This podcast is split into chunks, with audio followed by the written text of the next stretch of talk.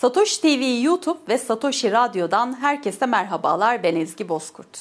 Geride bıraktığımız 7 günün en önemli başlıklarını derlediğimiz haber turumuz başlıyor.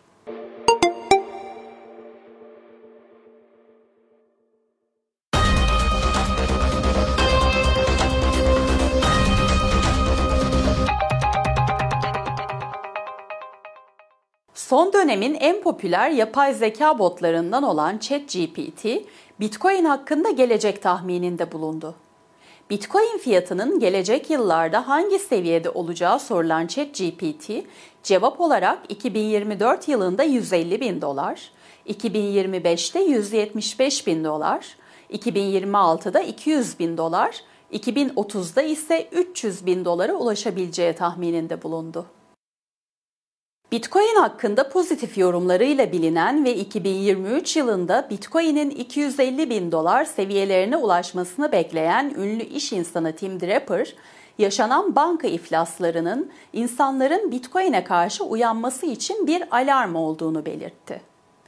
Yaşanan bankacılık krizinin Bitcoin alma konusunda hem isteksiz hem de kararsız olanlar için uyanma alarmı olduğunu söyleyen Draper, yaşananlar sonrasında çoğu kişinin ikna olacağını düşündüğünü belirtti. Amerika Birleşik Devletleri hükümeti Silk Road operasyonu sonucunda ele geçirilen devlete ait olan Bitcoin'lerin bir kısmını sattığını açıkladı. Hükümet 14 Mart 2023 tarihinde 9861 Bitcoin satışı yaptığını, bu satışlardan toplamda 215 milyon 738 bin dolar alındığını açıkladı. Amerika Birleşik Devletleri merkezli dünyanın en büyük madencilik şirketlerinden biri olan Marathon Digital, Mart ayında şirket rekorunu kırdı.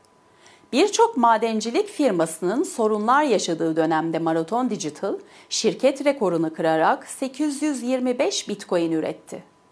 Aylık rekorunun yanı sıra çeyreklik rekoru kıran Marathon Digital, 2023 yılının ilk çeyreğinde toplamda 2195 adet Bitcoin üretti.